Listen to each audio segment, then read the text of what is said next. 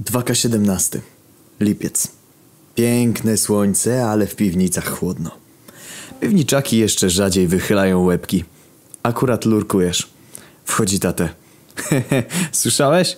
Co? no co? Wyłączą internet. Co? Nie zapłaciłeś? Nie nam w sensie nam, tylko nam w sensie Polsce. Prawie się poryczałeś. Co? Jak? Dlaczego? Ano, krucjata się szykuje. PiS zamierza wyruszyć na krucjatę. Do internetu. Usunąć wszystkie pornole. XD, przecież to niemożliwe. Twarz ojca się nachmurzyła, bo też z neta korzysta. Co prawda do przeglądania głównostrony i oglądania meczy, ale jednak. Dlatego prawie prędko go nie odblokują. Odparł. Wyszedł. Wracasz do jak będzie w akapie. Jakiś lag. Brak sygnału. Zaczęło się. Godzinę później dostałeś SMS-a. O chuj! Jak dawno nie dostałeś SMS-a od kogoś innego niż mamę? No i operator, tak, tak. On zawsze o tobie pamięta. Elo Anon, słyszałeś, że nie ma neta?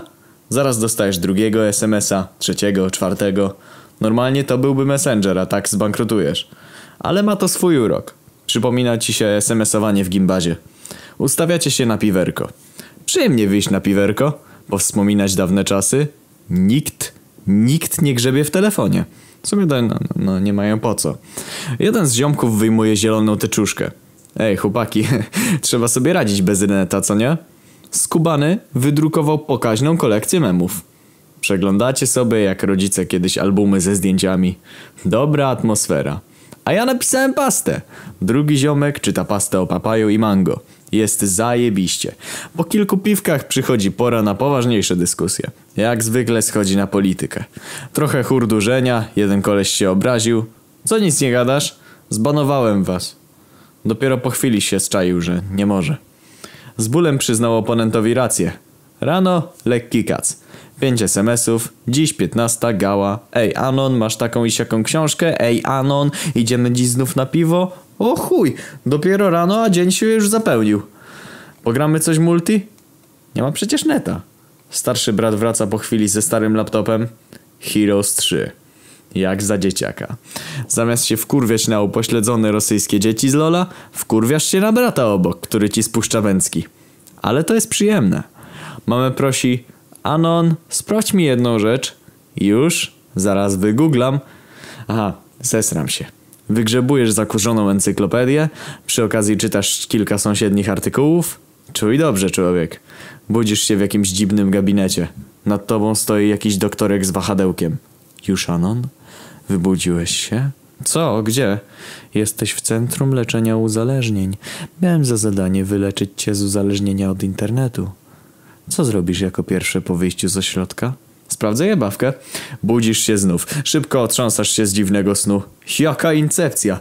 Przypominasz sobie, że faktycznie internet został zakazany. Piszesz więc pastę, drukujesz i przybijasz pliczek do płota. Ludzie je biorą i rozwieszają dalej. Namiastka normalności. Nagle objawia ci się nie kto inny, a świętej pamięci Janusz Korwin-Mikke.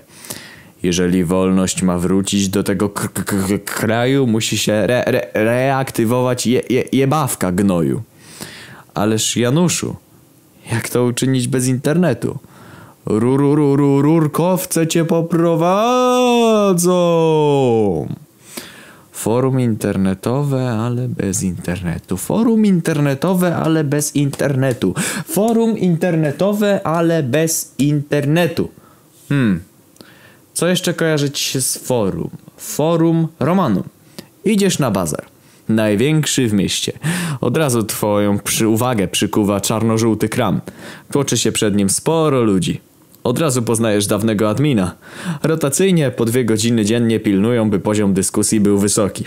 Ludzie przychodzą tam, wymieniają się wydrukowanymi memami i pastami, odbywa się wiele ciekawych dyskusji, nawet wprowadzono wymianę zdań, jak na forum. Są kartki, ludzie zostawiają tak zwany post, inni komentują, wszystko działa.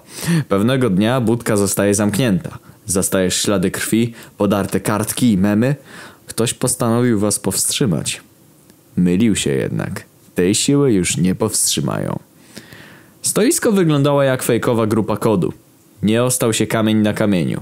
Pomyślałeś, zdrada. Już wiedziałeś, kto byłby zdolny do tak krwawej rzezi. Jednak po chwili stwierdziłeś, że raczej nie.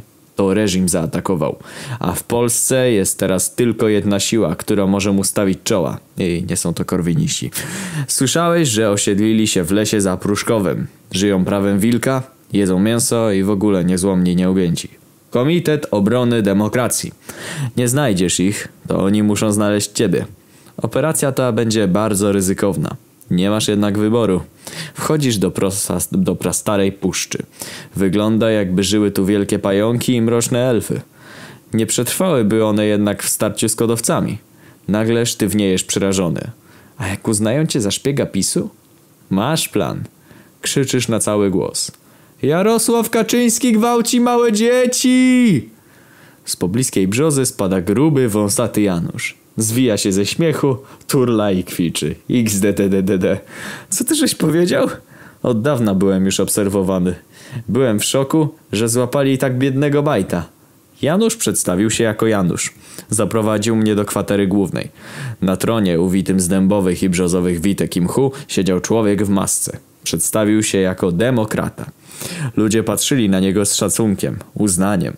Opowiedziałem mu o tym, że tylko wolnościowy trollnet jest w stanie obalić PiS. Skinął głową ze zrozumieniem. Twoi przyjaciele skończyli w pierdlu w sztumie, odparł. Nie jesteśmy w stanie ich odbić. Kodziarze byli wdzięczni, że dostarczałeś im dużo lol kontentu na temat PiSu. Odprowadzili cię aż do granicy lasu. W dodatku obiecali rozwiesić w każdej większej miejscowości wiadomość – Wiadomość, którą zrozumie każdy śmieszek, troll i wolnościowiec. Mieszanka wybuchowa. Był to prosty, bezbecki mem. Skończycie w pierdlu w sztumie. Andrzej Duda do administracji od BWA. W dole podana data. Pora się przygotować, a później odwiedzić sztum. Zgodnie z planem wiadomość rozeszła się po kraju. Do miejscowości Sztum zjechali aktywiści z całego trollnetu. Okazuje się, że podobne próby co w Warszawie miały miejsce wszędzie, z mniejszym lub większym powodzeniem. Wszędzie skończyły się podobnie. Przed bramą więzienia stoi nie kto inny, a znany działacz związkowy. Piotr Szumlewicz, pseudonim Sztumlewicz. Wrota te staną przed wami otworem, jeśli rozwiążecie zagadkę. Ile powinny wynosić podatki? Wszyscy patrzycie po sobie, a jakiś akapek wypala 0% kurwa! Szumi coś mruknął, coś tupnął i zaczął się cieszyć i skakać. Oczywiście, że tak. Gdy uspołecznimy środki produkcji, podatki nie będą potrzebne. Nie pełnią one znaczącej roli w gospodarce centralnie sterowanej. Wszyscy patrzą na Akapka z podziwem. Akapek patrzy na Szumiego jak na debila. Szumi tańczy jak szalona. Wewnątrz zastaliśmy całkiem przytulne pomieszczenia. Naczelni polscy wolnościowcy, admini tych i innych jebawek, naczelne śmieszki i trole libnetu. Wszyscy grali w kalambury. Wpierdalali bez opamiętania pizzę hawajską, pili piwo marki VIP i bawili się świetnie. Cały oddział szturmowy zamarł w bezruchu. Nikt nie mógł pojąć ani uwierzyć w to, co właśnie zobaczył. Okazało się, że podjęta została rezolucja za plecami całej społeczności. Na, sianie, na ścianie wisiał wykonany na modłę napisu Arbeit macht frei tekst PiS mieści się w formule liberalnej demokracji. Zdrajcy! Wrzawa rozeszła się po całym pomieszczeniu, a okrzyki odbijały się echem od ścian. Sprzedaliście duszę Jarosławowi! Bandyci! O bogowie, walka! Po chwili jednak sytuacja się uspokaja. Postanawiam wypytać ich w czym rzecz. Nie mieliśmy żadnego wyboru. Albo sztum, albo czapa. Chętnie pomożemy w obaleniu PiSu. Pasta o Żydzie Fable. To niedościgniony i, wyima i wyimaginowany ideał. To przesłanie. Idea, która łączy ludzi. Pozostawia nutkę tajemnicy i niepewności, jak internetowy święty gral. Nie chodzi o to, by złapać króliczka, ale by gonić go.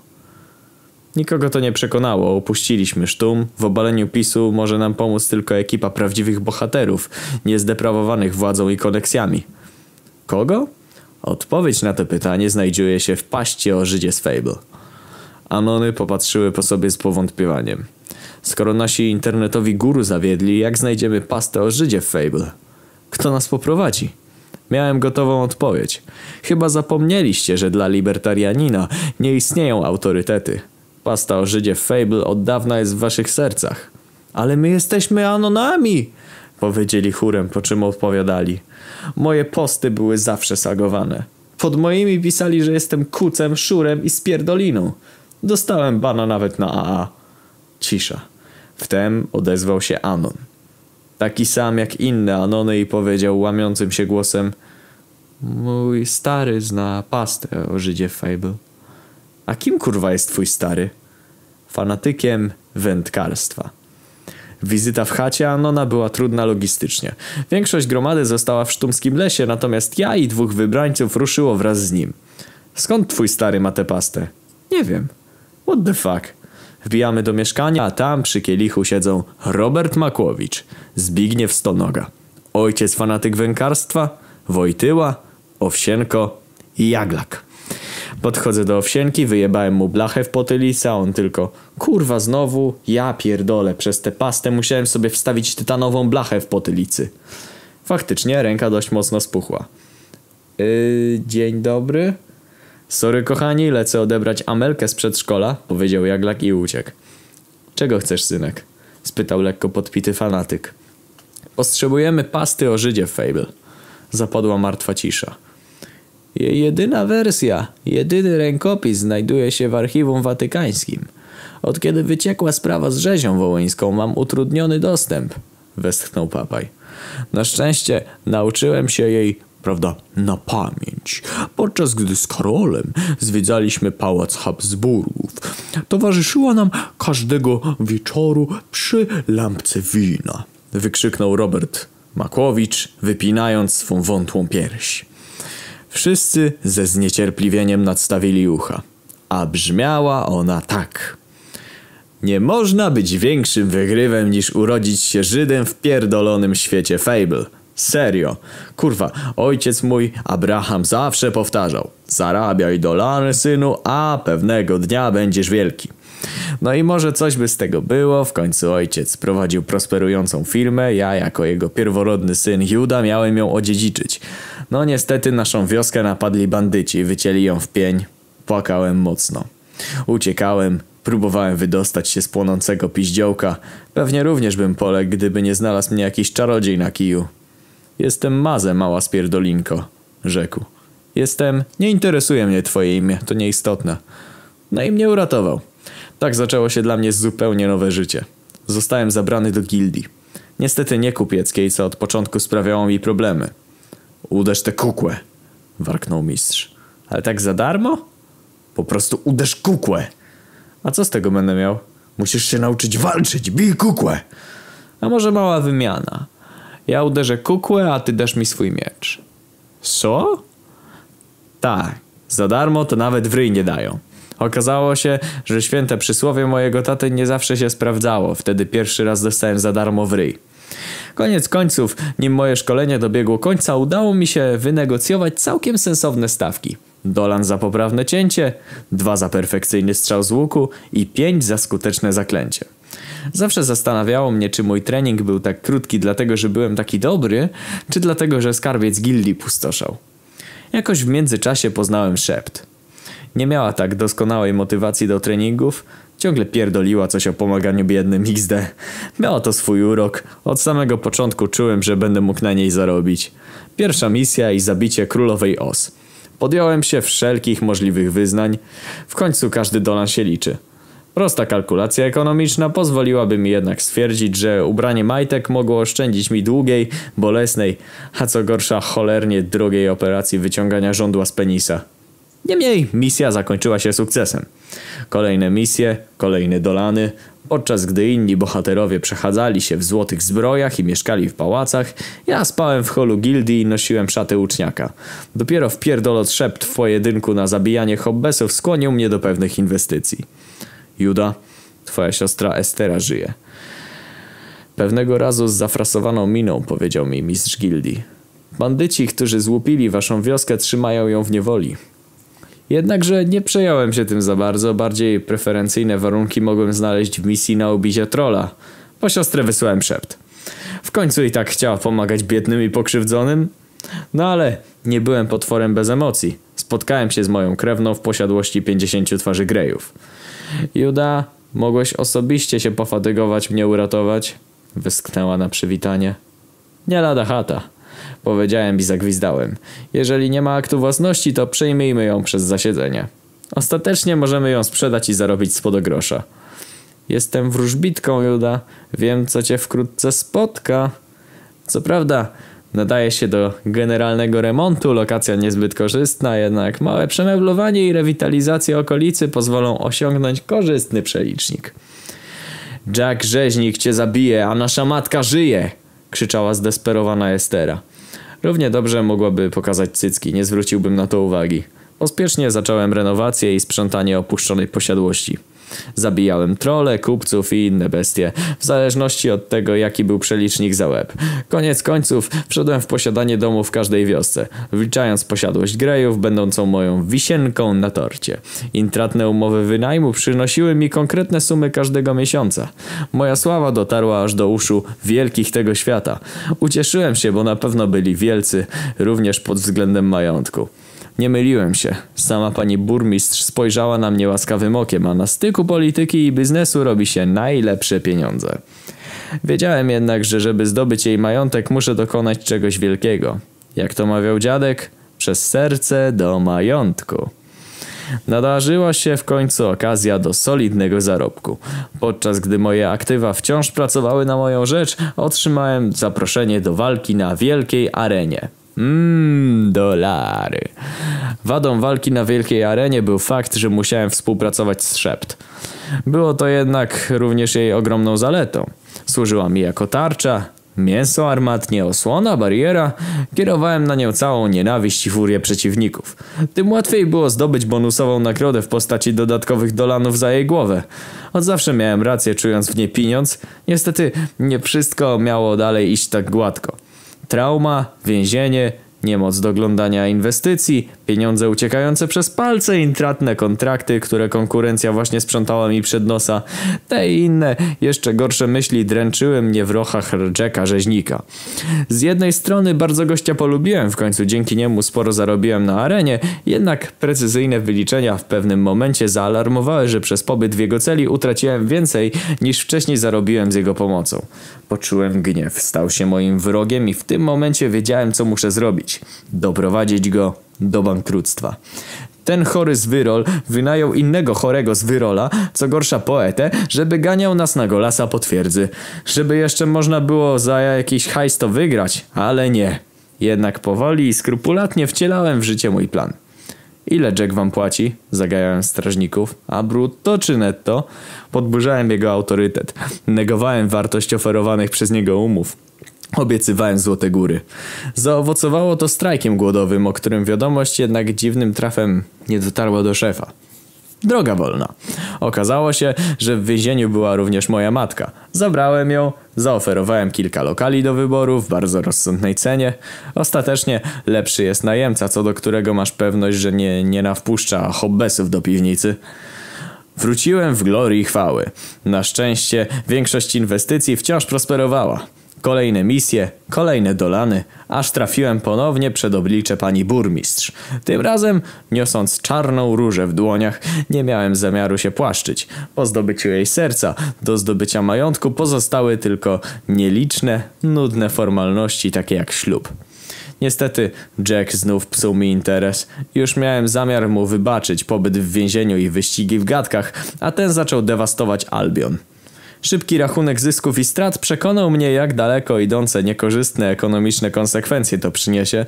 Biegałem z różnymi fajfusami od kamienia do kamienia, bez skutku. Jack Rzeźnik postanowił zniszczyć gildię. Patrząc na marmurowe ściany, na posadzkę w holu, na której latami spałem, na wszystkie piękne wspomnienia, tysiące zarobionych dolanów, moja furia narastała. Na podłodze, tuż za progiem leżał mistrz gildii, rozsmarowany na pół korytarza. Dlaczego nie próbujesz ratować majątku gildii? Krzyczałem w szale.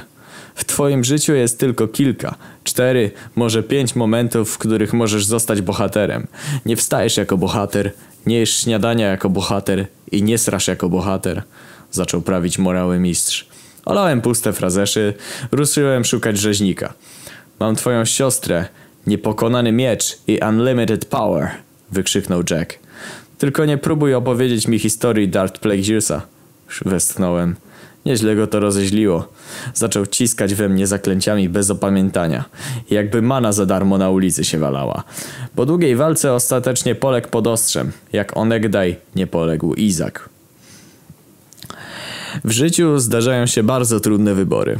Kiedy dowiedziałem się, że zabijając siostrę mogę otrzymać najpotężniejszy miecz w dziejach świata, naprawdę długo byłem rozdarty wewnętrznie.